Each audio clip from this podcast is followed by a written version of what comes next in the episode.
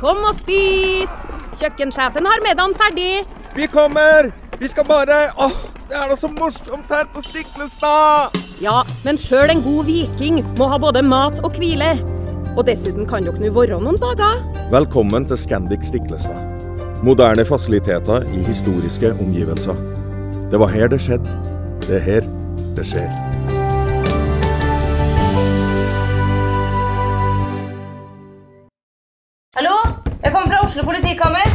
Ine Jansen er purk. Er du purk? The motherfucking bitch. Alt jeg vil, er å finne ut hva som skjedde med mannen min. Jon Carew. Er jeg sikta for noe? Iben Akeli. Det er du.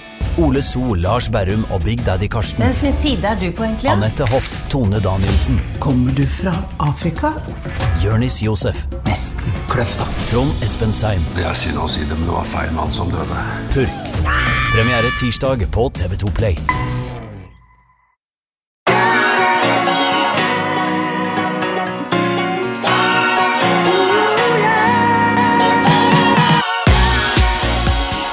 Velkommen til podkasten Hjernesterk. Uh, Ole Petter, uh, tilbake, altså, dette med reaksjoner fra lytterne er veldig gøy. Uh, for skaper, at vi skaper engasjement, er vi glad for.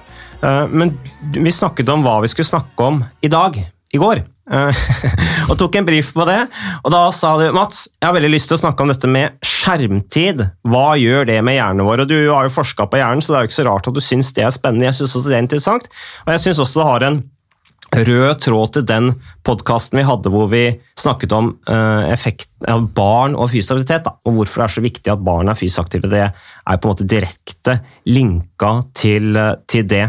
Så eh, er det, hvorfor er du så opptatt av, av skjermtid, eller spørre på en annen måte, hva gjør skjermtiden med oss?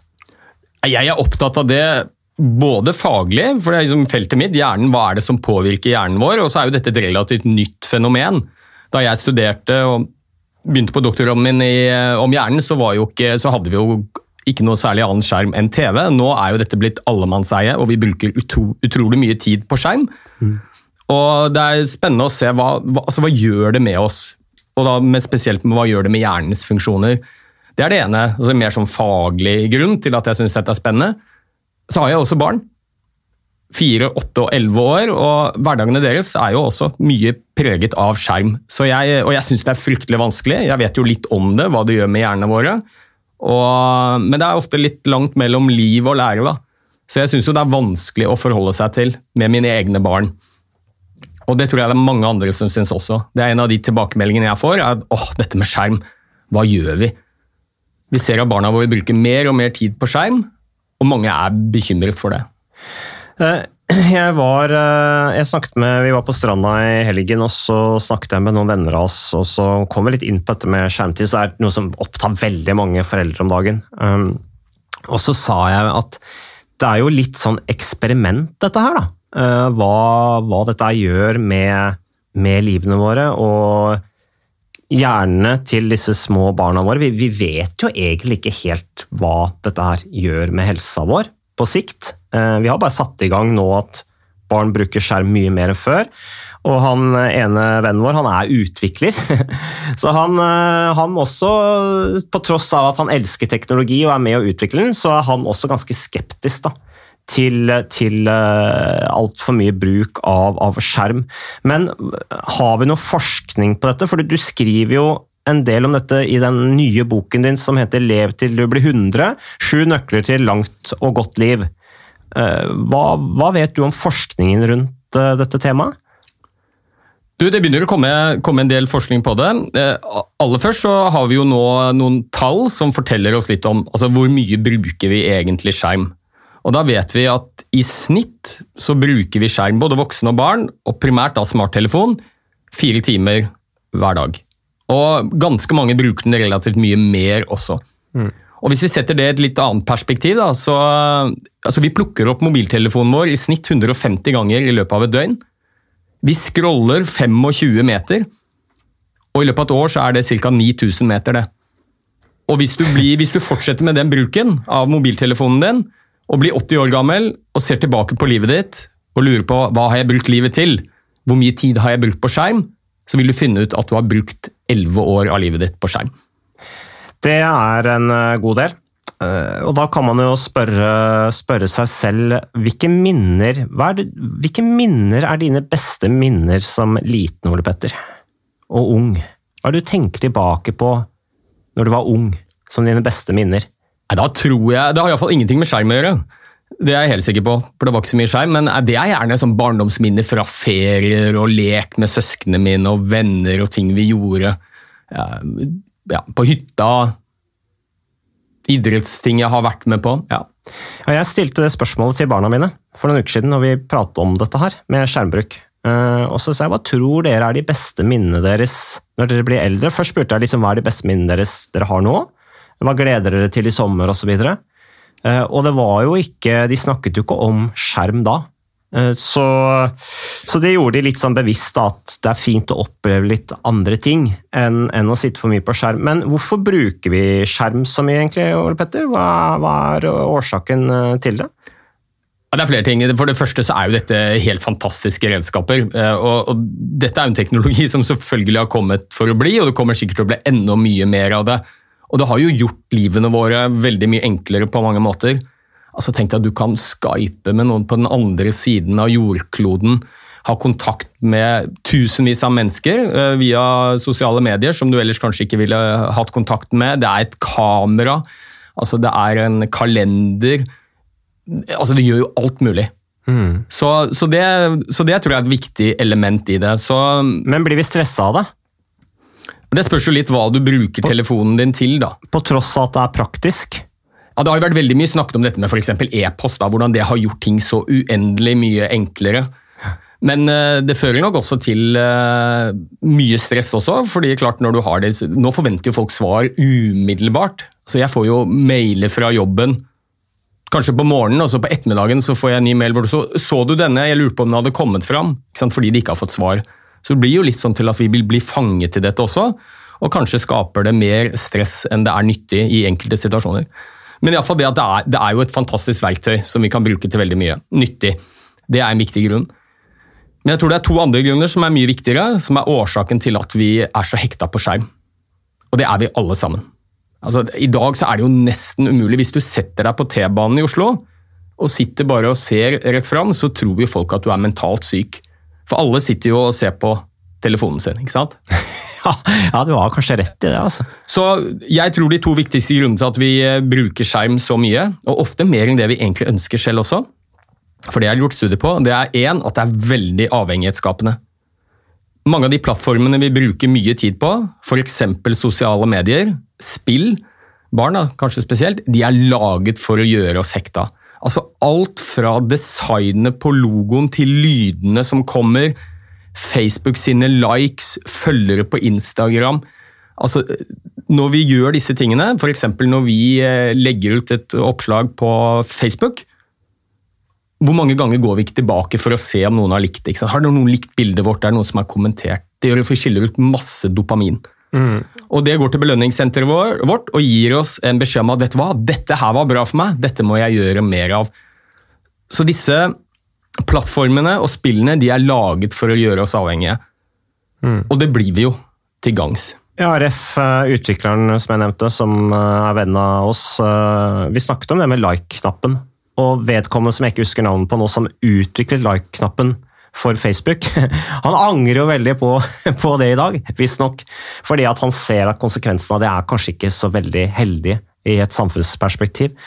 Men eh, hva med altså, Nå har du nevnt veldig mye, Ole Petter, men, men eh, vi, vi, var litt inne på, det på forrige podkast, at uh, den podkasten vår Jernsterk skal være en, en podkast som handler om helhet. da, I forhold til helse og gode valg i hverdagen, hvor mosjon er et viktig element i det. Men hva med søvnen? Nevnte du det når du snakket, snakket i stad? Ja, jeg nevnte vel litt det sist gang, men jeg tenkte jeg bare skulle ta én ting til. Mm. fordi Jeg sa at det var to ting som var spesielt viktige, da, som gjorde at vi brukte så mye tid på skjerm. og Det ene er dette med avhengighet. Og det er klart, Jo mer avhengig vi blir, jo mer tid bruker vi på plattformene til de som har laget disse programmene. Facebook er jo et godt eksempel. Facebook startet eh, på begynnelsen av 2000-tallet som en liten intern gruppe på, på Harvard-universitetet. I dag har det 2,5 milliard brukere og har markedsverdi på rundt 500 milliarder dollar. Altså tilsvarende bruttonasjonalproduktet til en mellomstor nasjon. Så vi blir avhengige. Det gjør at vi er, bruker mye tid på plattformene. Det tjener de penger på. Og så er det én ting til, og det er noe som heter stoppsignaler.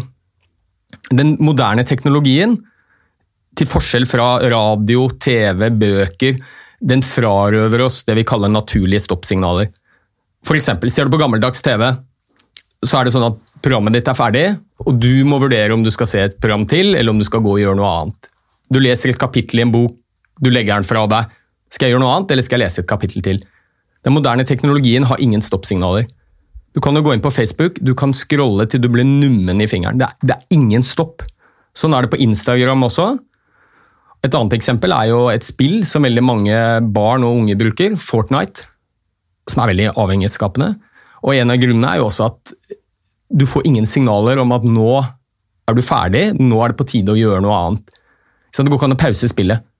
Så jeg har jo en sønn på åtte år, og når han begynner å, han har fått lov til å spille litt Fortnite, noe jeg angrer fryktelig på for, for øvrig, så er det sånn Han tar jo seg ikke tid til å spise. fordi hvis han legger inn en pause, så må han starte spillet på nytt. Mm. Så de har jo designet disse programmene sånn at de, de, fortell, de gir oss ingen stoppsignaler.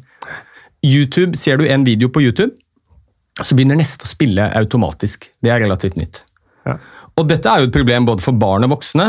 Men voksne har en del av hjernen som heter den prefrontale cortex, som er godt utviklet. Og det er den som bl.a. ser på konsekvenser av handlinger. Så hvis du og jeg har vært inne og spilt, vi gjør kanskje ikke det så mye, men hadde vi sittet noen timer, så ville vi sannsynligvis tenkt at vet du hva, nå har jeg spilt lenge, nå må jeg finne på noe annet. Nå må jeg spise, nå må jeg gå på do, nå må jeg gå ut og trene, være sammen med kona mi. Men den delen av hjernen hos barn er veldig dårlig utviklet. Så de kan sitte altså hele dagen og spille, uten at hjernen sender signaler om at nå, nå, er det på tide å gjøre noe annet. Nei, Men hjernen blir vel utviklet til å venne seg til det òg, tenker jeg. Ja, altså, og det vet du jo egentlig ikke så mye, mye om. Derav jeg tenker at det vi egentlig driver med i dagens samfunn, er et eksperiment. Ja da, det er et eksperiment. Og så handler det da selvfølgelig om at vi, vi, blir hekta, og vi bruker veldig mye tid på disse plattformene. Mer enn det vi kanskje til og med ønsker. De er laget for avhengighet. En annen ting, eh, Nå blir jeg veldig nostalgisk her, da, eh, og folk syns kanskje det er litt eh, spesielt. Men jeg tenker jeg, jeg sliter litt med nå, også med alle disse verktøyene vi har med iPader, telefoner, TV, med, med Apple TV og det valget vi har. Så er det blitt sånn at det som før var en felles samlingsarena, f.eks. rundt for sport, da, eller f.eks. rundt ett program, hvor hele familien samla seg og så på det ene, Eh, så skapte det jo også et sosialt engasjement, mer enn det gjør nå. For nå sitter jo fort folk hver for seg. Med hver sin enhet og ja, se på forskjellige ting. Og det blir jo ikke det, det, preg, det, det, vil vel kanskje, særlig unge mennesker som vokser opp med det, det vil jo kanskje gjøre, gjøre noe med de sånn rent sosialt, tenker jeg. At de holder på med sitt, eh, og de skal holde på med sitt. Eh, og noe med stayerevne også i forhold til å gjøre noe sosialt med andre. Eh, og Der har jeg også hatt noen runder med venner og familie i forhold til når vi er samla med barna våre, at de ikke får lov til å sette seg ned med mobiltelefonen. fordi at det som skjer, er jo at de møtes, og så er det en som da kanskje ikke syns at akkurat den leken er så gøy der og da, så setter den seg ned med mobiltelefonen. Slutter da vedkommende barn da å gi av seg selv, og så rakner hele så ender det med at alle barna sitter hver for seg og ser på hver sin telefon. Når de er samla for å ha det gøy sammen og bli kjent sammen. Og der har jeg satt ned foten litt. Eh, og jeg får heldigvis aksept, men jeg tror på en måte at man må på en måte ture å si det til de andre foreldrene. For jeg tror alle foreldrene er enige, men de er kanskje litt usikre på hva de andre foreldrene eh, mener, så de tør ikke å si det selv. da. Eh, så der har jeg bare sagt at ok, sånn gjør vi det nå. Og jeg har også sagt til barna at nå er dere sammen. Nå legger dere fra dere mobiltelefonene, for nå skal dere være sammen. Så det er også en utfordring, tenker jeg. Men det er et uttrykk du skriver om, Ole Petter, som heter digital demens. Hva mener du med det? Jo, det er jo da en av de For du stilte meg spørsmålet hva er det som skjer med hjernene våre. Og Da tenkte jeg at jeg skulle nevne fire ting som vi vet ganske godt sånn forskningsmessig at dette med skjermtid, hvordan, altså hvordan det påvirker hjernene våre. Og Da kan vi godt starte med digital demens. Og Da kan jeg stille deg et spørsmål. Hvor mange telefonnumre husket du for 20 år siden i hodet, tror du? Jeg husker jo de telefonnumrene ringte mye i gamle dager. Eh, sånn som uh, telefonnummeret til min avdøde farmor, f.eks. Men da, da kunne jeg jo alle telefonnumrene på rams. Ja, selvfølgelig kunne vi det. Jeg tror jeg kunne 30-40 telefonnumre på rams på 80-tallet. Ja, og jeg kan de enda. Ja, Da er du ganske unik. Ja, noen av de kan jeg enda. Altså, De jeg ringte veldig mye, kan jeg ennå. Mm. Så, eh, sånn som eksempel det gamle telefonnummeret til foreldrene mine ikke sant? på Kaggestad gård. Det kan jeg. Nå eksisterer jo ikke det lenger. Nei. Men, men det kan jeg ennå. Det, det har liksom bare låst seg fast i, i skallen min, og det er sikkert en av grunnen til det. Men eh, i dag hvis, no, hvis du sier et telefonnummer til meg i dag, så jeg har jo ikke sjans, Nei. for det bruker du aldri. Ja. Og det er litt av utfordringen. Digital demens henspeiler på det at vi har tatt en del av hjernens funksjoner, bl.a. hukommelse, stedsans, og så har vi outsourcet det til mobilene våre. Ikke sant? Vi har telefonbøker eller telefonlister på mobilen, så vi trenger ikke å huske telefonnummeret lenger. Vi har kalendere, digitale, som forteller oss hvilke avtaler vi har. Vi og med varsler. Vi behøver ikke å huske avtalene, de plinger opp på telefonen. Vi har GPS-er, som gjør at vi kan sette oss bak rattet, nærmest hjernedøde, trykke på en knapp og følge pilen blindt. Og veldig mange av disse funksjonene de er utrolig viktige for oss mennesker, og nå har telefonen overtatt. Så det vi ser er at en del av disse funksjonene, kanskje spesielt hukommelse, de har en tendens til å bli svekket når oppgaven er overtatt av telefonen. Men hva skal vi gjøre, Ole Petter? Altså, hva, har du noen tips til hvordan vi kan eh, sakte, men sikkert eh, avruse oss selv på teknologi? Ja, det er, jeg har en del eh, tips til det, men jeg tenkte kanskje aller først at jeg skulle ta de tre andre tingene også. Ja, som- selvfølgelig. Du var inne i det. Beklager. Nei, nei, men det går helt fint. Uh, hjernen min, vet du, jeg må ha en rød tråd. Jeg, Ja, så du, er, og du er veldig flink til det. eller, Holden. ellers så faller jeg fort ut av det. Ja. Så, så det med digital demens det er noe vi er litt bekymret for. Mm. Hjernen vår er jo sånn at jo mer vi bruker den til forskjellige ting, jo bedre hjernekapasitet har vi, og vi vet også at det kan forebygge demens og, og hjernesvekkelse i senere alder. Så jeg er litt bekymret for at når vi tar mange av disse oppgavene som hjernen bør drive med selv, og overlater det til telefonene, så svekker det hjernens funksjon over tid. Og så vet vi at eh, det å bruke skjerm fire-fem timer hver dag, nødvendigvis så må jo det stjele tid fra noe annet. Døgnet har ikke flere timer. Og da ser vi at det er gjerne to ting som eh, skjermtid går på bekostning av. Og det ene er jo det vi snakker om i hver eneste episode, fysisk aktivitet. Litt forenklet så kan vi si at jo mer tid du bruker på skjerm, jo mindre fysisk aktiv er du. Og og spesielt for barn så er dette eh, urovekkende. Fordi barns utvikling, fysisk, mentalt, læringsmessig, er helt avhengig av at vi er i regelmessig bevegelse. Så når vi sitter inne og spiller skjerm, eller er på skjerm istedenfor å bevege oss, så går det utover barns motoriske, mentale utvikling.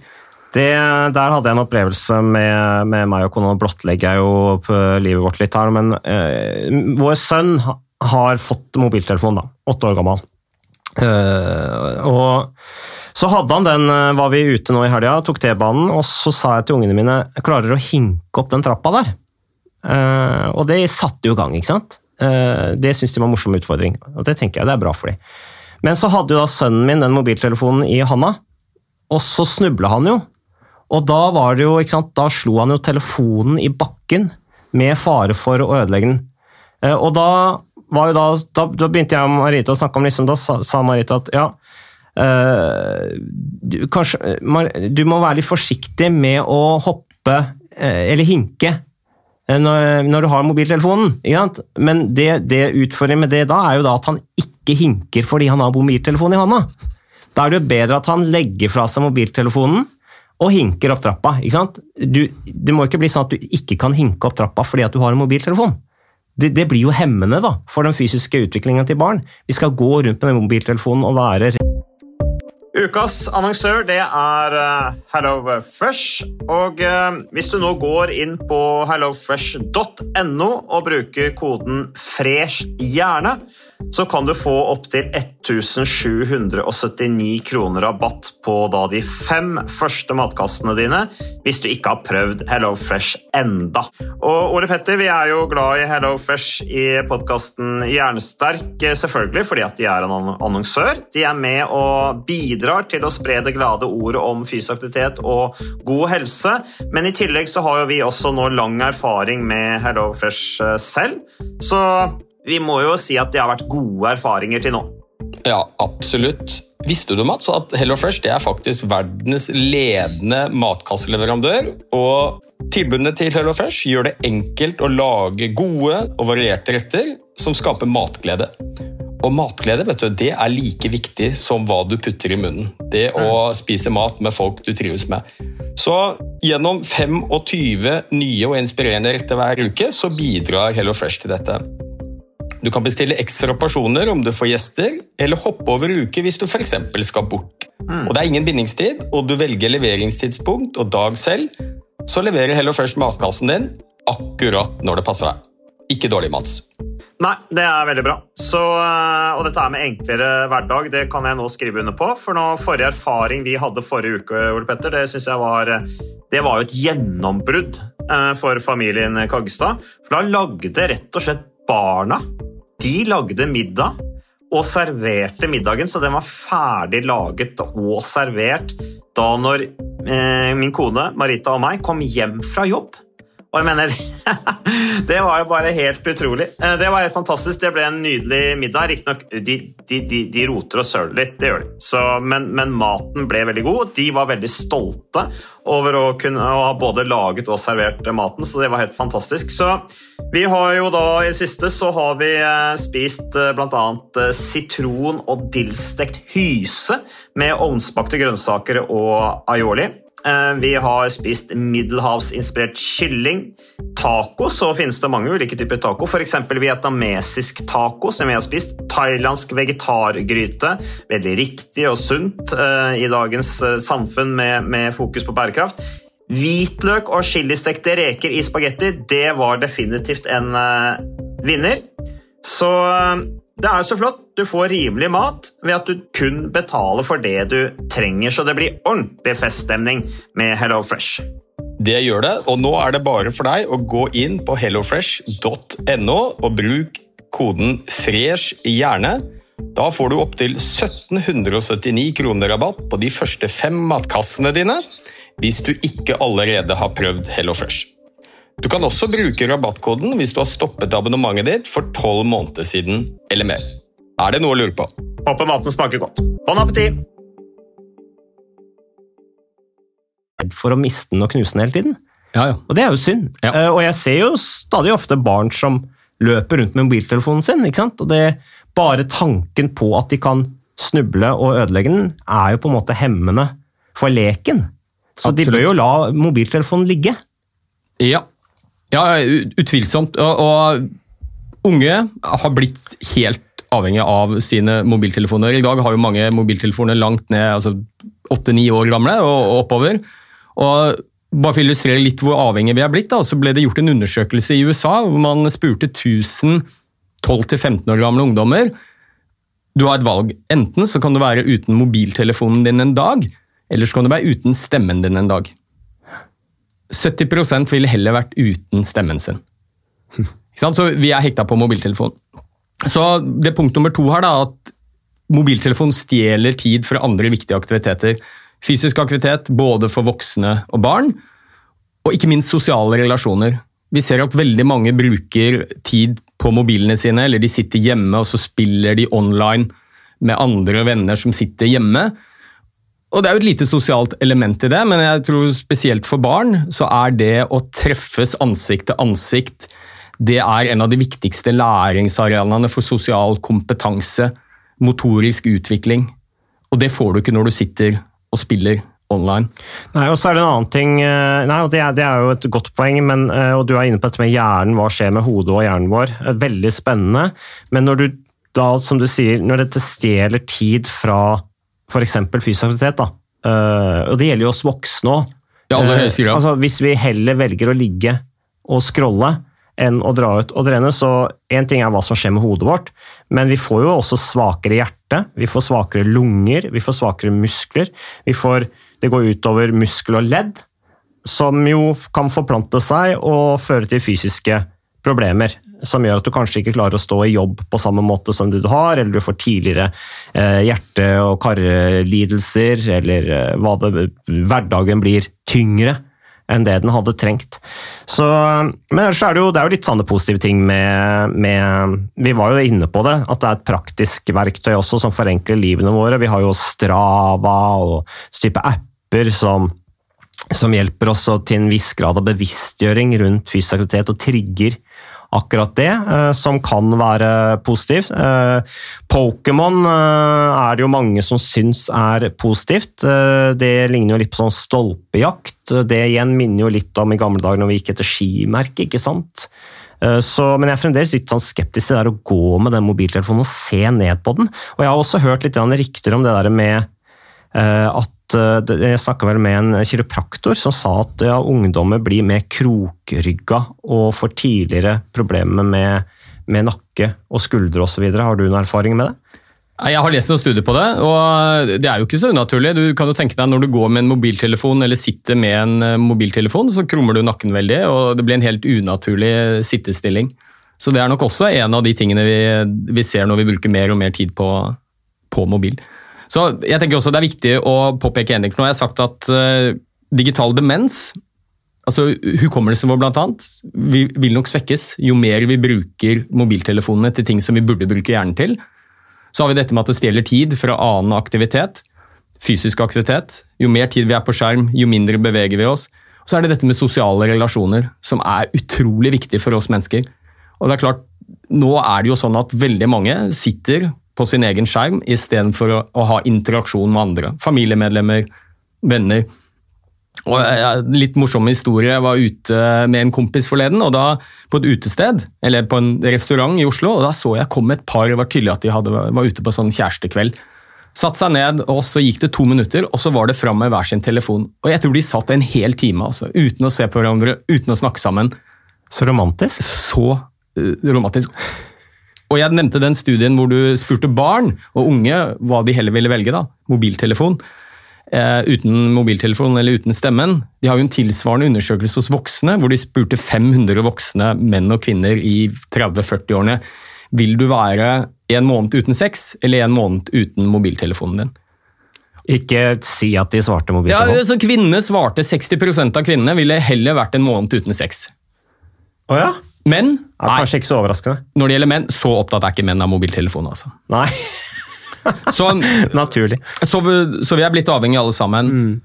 Så er det to ting til som vi vet skjer med, med hjernene våre når vi bruker skjerm mye. Og En av de mest interessante tingene synes jeg, er den sammenhengen mellom hvor mye skjerm du bruker, og risikoen for å føle deg nedstemt, kanskje til og med utvikle mentale lidelser, angst og depresjon. Mm. Og Der har vi sett veldig lenge at det er en sammenheng.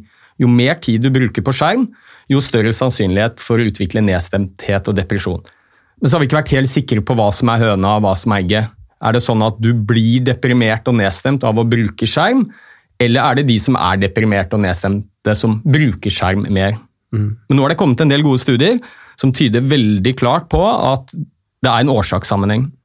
Det å bruke skjerm mye øker risikoen for å utvikle nedstemthet og depresjon. Men her er det veldig avhengig av hva du bruker mobiltelefonen din til. Og Det tror jeg er litt viktig å, å, snakke om. Det er ikke bare hvor mye tid du bruker, men hva du bruker den til. Og Da har de gjort noen studier hvor de har sendt ut spørsmål til tusenvis av mennesker, ironisk nok, på mobiltelefonen. Og da er Det litt sånn, det første spørsmålet er hva gjør du nå? Altså, Hva bruker du mobiltelefonen din til nå? Eller hva har du brukt den til den siste timen? Og Så kan du velge da, mellom mange forskjellige ting. Sosiale medier, lese bøker, nyheter, vær, Strava, sportsting og sånt. Og så er neste spørsmål hvor bra føler du deg på en skala fra 0 til 10? Og kort fortalt da, så viser det seg at når du bruker tid på mobilen din, på nyheter, læringsapper, treningsprogrammer, se på været, den type ting, så føler folk seg ganske bra. Men når de bruker tiden på sosiale medier, type Instagram, Twitter, Snapchat, Facebook, mm. så føler de seg langt dårligere. Og så er jo ironien da at vi bruker tre ganger så mye tid på de plattformene som gjør oss mindre fornøyde. Så vi vet at det er en sammenheng mellom det å bruke skjerm mye og utvikle nedstemthet og depresjon. Og det tror vi handler mye om uh, sosiale medier. Og nå vet ikke jeg hvordan dine eh, Facebook-venner er, da, men mine Facebook-venner, når jeg går inn og ser hva som har skjedd siste uken, så virker det som alle har et helt fantastisk liv. Livet er en dans på roser. Det er bilder fra en romantisk middag, vært ute på fjelltur altså, Det er jo ingen som legger ut om gråværsdager og skilsmisser og at det er blitt sagt opp fra jobben. Og så er det jo sånn at vi mennesker, og kanskje spesielt unge, hvordan man har det med seg selv, det avhenger mye av hvordan man opplever at andre har det. Mm. Og da vi var små, husker fra min oppvekst, så kunne jeg sammenligne meg med søsknene mine, naboene mine, vennene mine. I dag så kan vi sammenligne oss med tusenvis av mennesker uten å forlate skjermen i det hele tatt. Venner på Facebook, følgere på Instagram. Og det folk legger ut, det er jo gjerne glansbildeversjonene av sine egne liv. Så hvis du bruker det som en målestokk, så er det fort gjort å tenke at fy søren, altså, alle andre har det mye bedre enn hvordan jeg har det. Men Det kan være at jeg har vært for lenge i, i media òg, eh, men, eh, men, for meg så blir sosiale medier på en måte I hvert fall Facebook, Twitter osv. blir bare mindre og mindre eh, personlig. Altså, jeg er mer og mer forsiktig med hva jeg legger ut av personlige meninger. Ja. Um, fordi at det er et, det er et tøft klima. Uh, også fordi at jeg orker bare ikke å ta de der diskusjonene. Ref at det, det stjeler tiden fra noe annet. Hvorfor skal jeg etter jobb sitte og bruke en time av kvelden min på å diskutere med folk om ting jeg mener?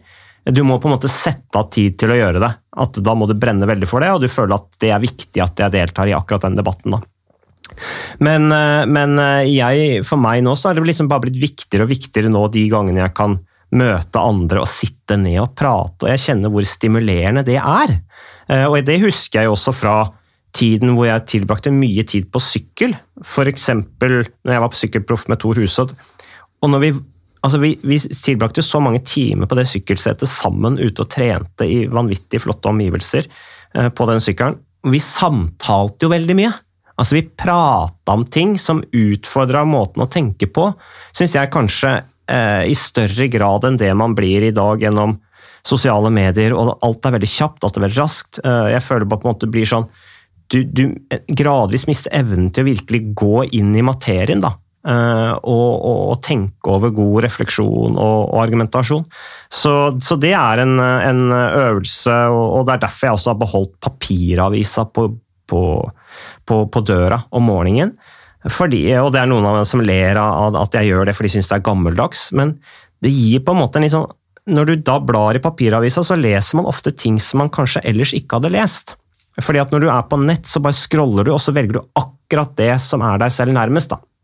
Uh, som, er, som er, liksom det som engasjerer deg uh, akkurat der og da, uh, og det blir ofte mye av det samme. Og det opplever jeg også med sosiale medier, eller eh, dagens TV-bruk og, og, barn, at de ser gjerne det samme igjen og igjen og igjen, og igjen fordi de, de kan de. Det er ikke noe stoppfunksjon, som de sier. Men når du da leser avisa, f.eks., så blir det på en måte Da prøver jeg å tvinge meg selv til å lese reportasjer om ting jeg egentlig ikke er interessert i. Bare for å utvide perspektivet mitt litt. da og jobbe litt med meg selv for å liksom prøve å sette meg litt inn i andre ting. Jeg tenkte, de har litt godt av, særlig når jeg da møter folk eksempel, som La oss si jeg er innenfor en del av kulturlivet som jeg ikke er, egentlig har noe greie på. Da kan jeg kanskje litt om det. Så da, mer, da, kan jeg være litt mer interessert i det de driver med.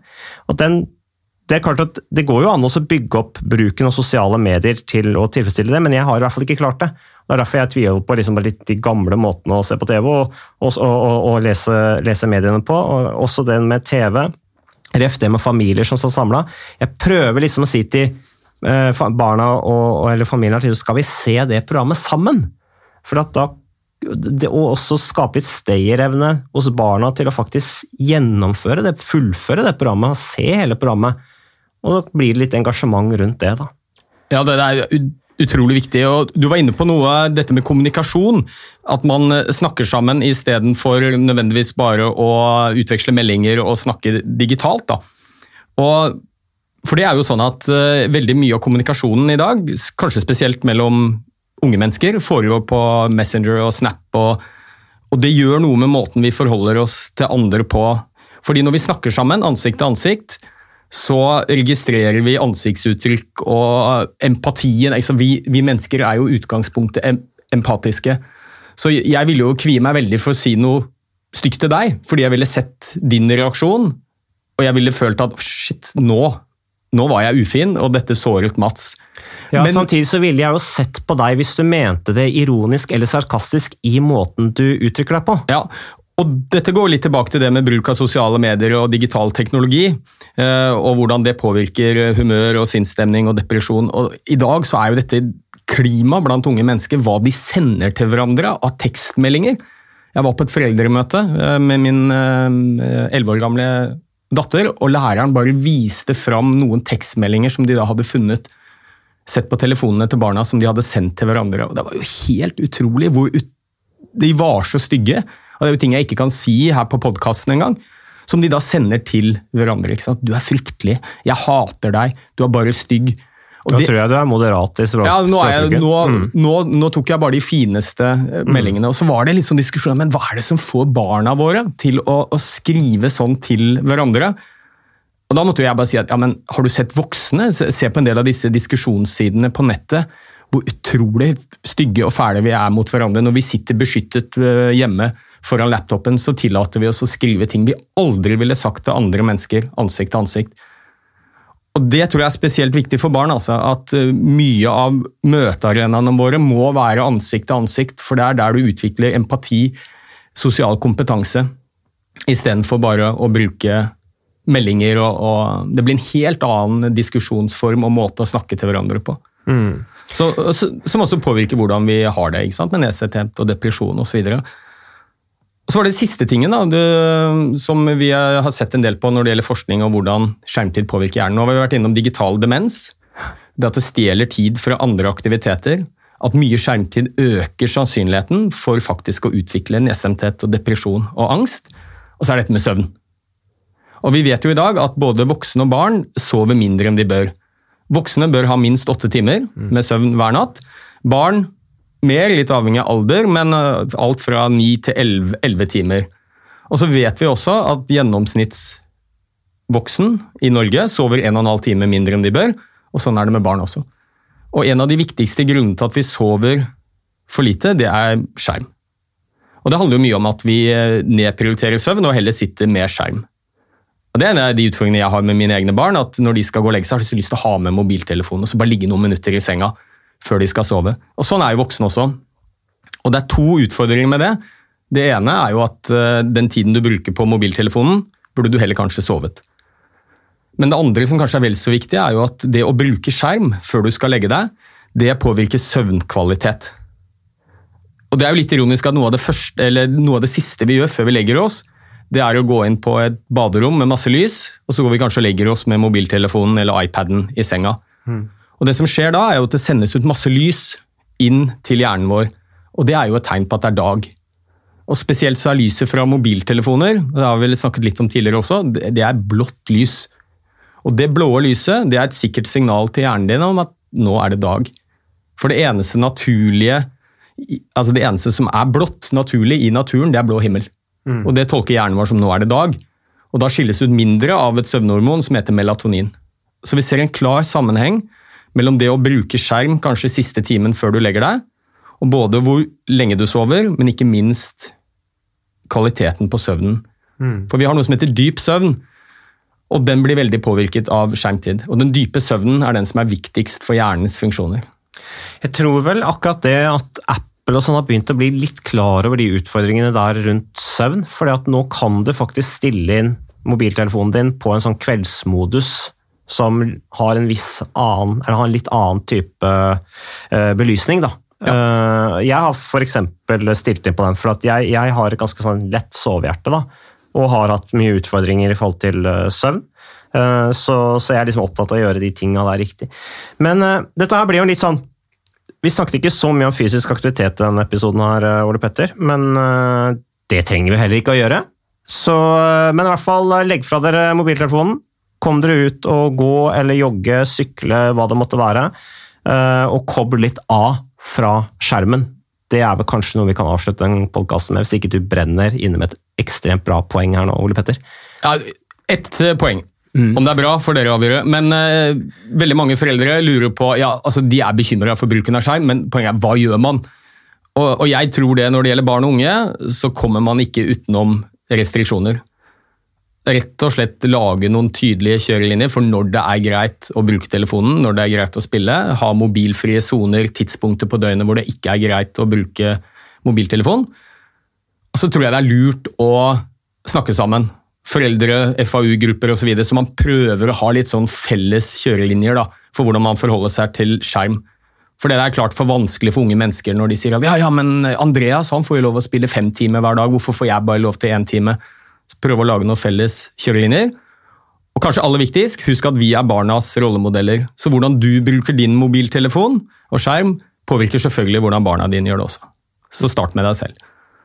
Veldig bra, Ole Petter. Vi eh, lar det være det siste i denne episoden av eh, Jernsterk, og er snart tilbake med mer.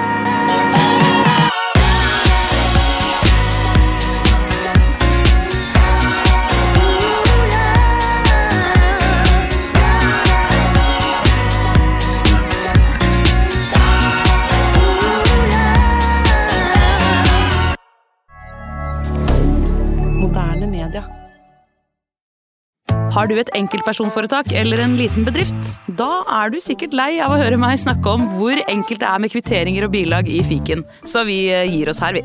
Fordi vi liker enkelt. Fiken superenkelt regnskap.